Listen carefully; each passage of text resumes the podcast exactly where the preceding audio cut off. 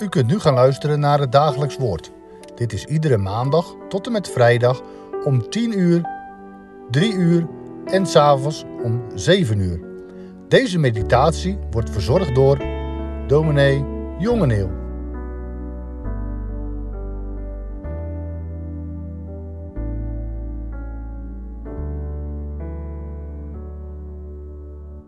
Goedendag, luisteraars. Het dagelijks woord voor vandaag wordt gevormd door Filippenzen 1, vers 19 tot en met 21.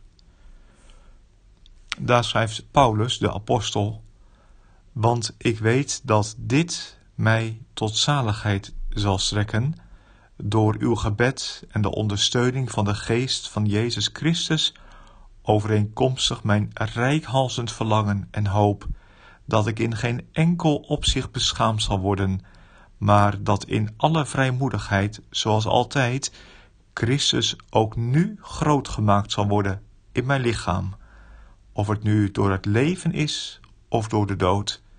Want het leven is voor mij Christus en het sterven is voor mij winst. Tot zover de schriftlezing. Het leven is voor mij Christus en het sterven is winst. Graag vandaag uw aandacht voor dat ene zinnetje.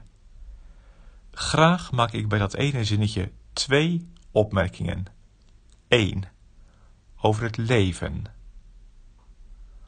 Als u nu uw leven in één woord zou moeten samenvatten, welk woord wordt dat dan?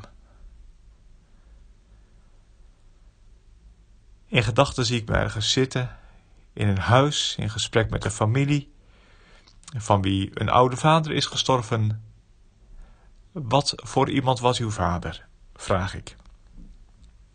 Nou, zegt een zoon, zijn leven was werken.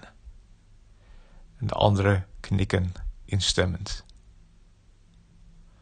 Of bij het sterven van een vrouw. Ik zeg, vertel me eens wat over haar leven. Het blijft even stil. En dan zegt er een, haar leven was dienen. Tja, het leven in één woord samengevat. Werken, dienen.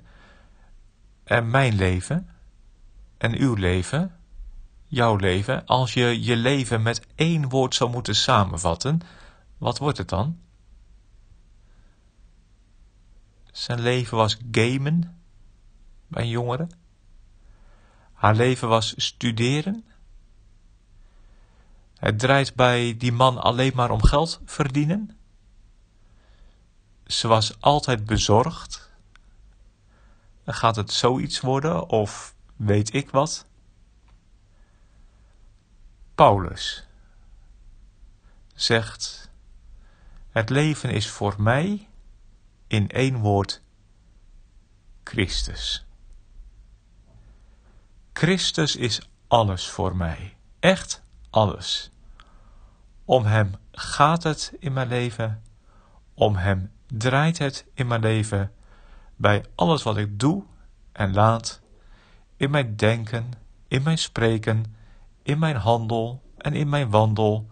Jezus Christus staat in mijn leven.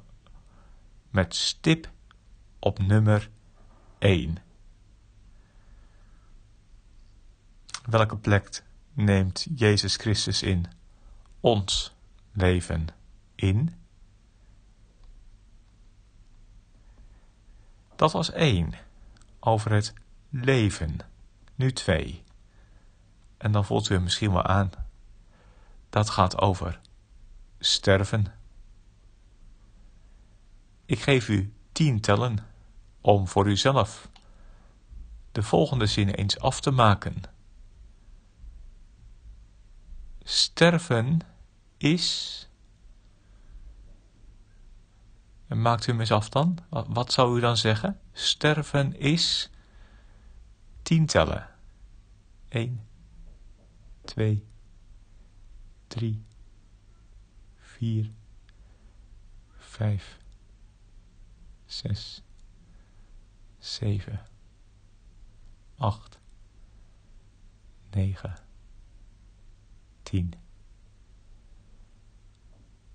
Als ik nou bij u aan tafel zat, dan zou ik het u hardop laten zeggen.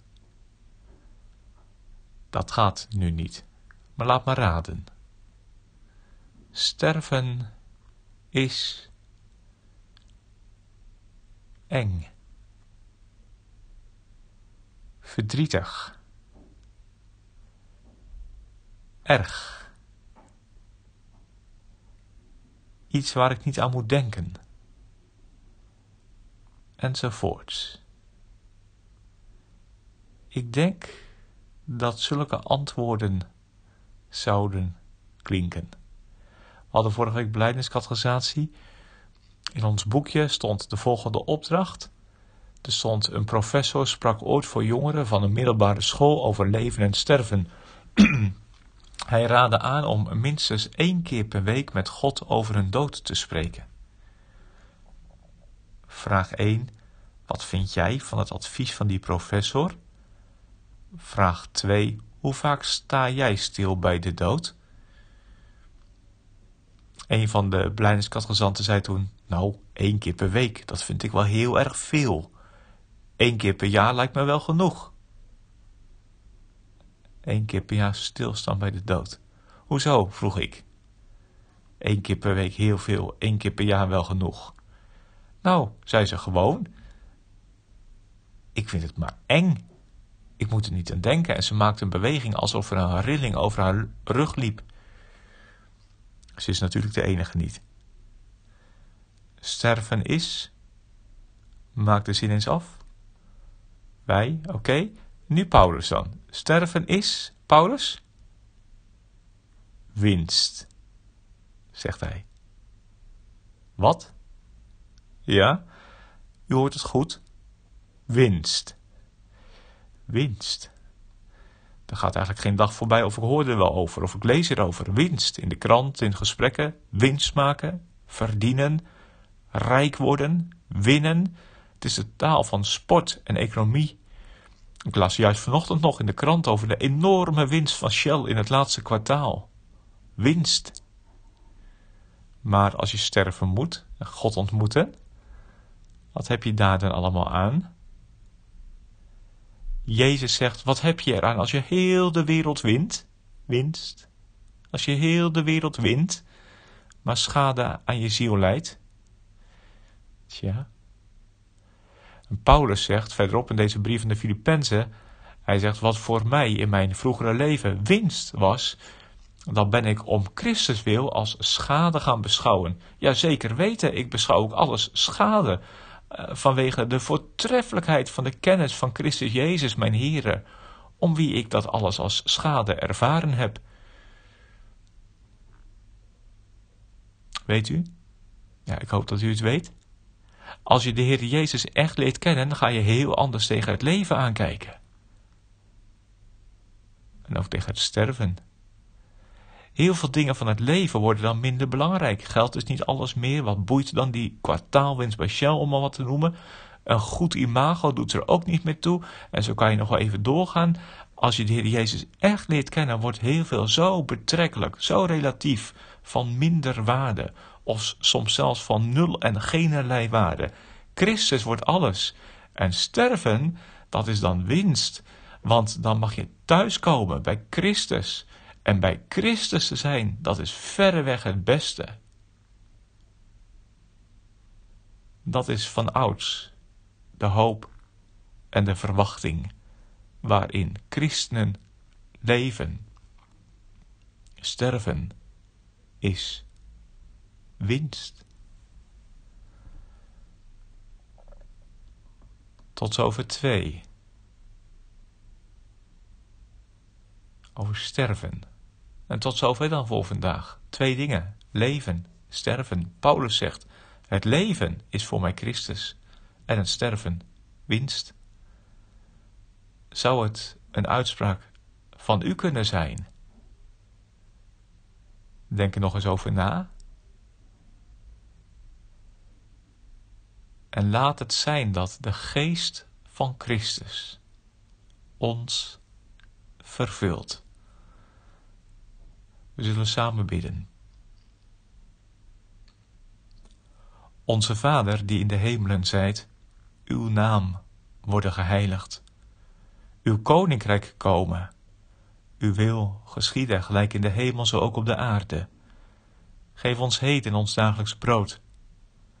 En vergeef ons onze schulden, gelijk ook wij vergeven onze schuldenaren. En leid ons niet in verzoeking, maar verlos ons van de boze. Want van u is het koninkrijk, de kracht en de heerlijkheid in der eeuwigheid. Amen.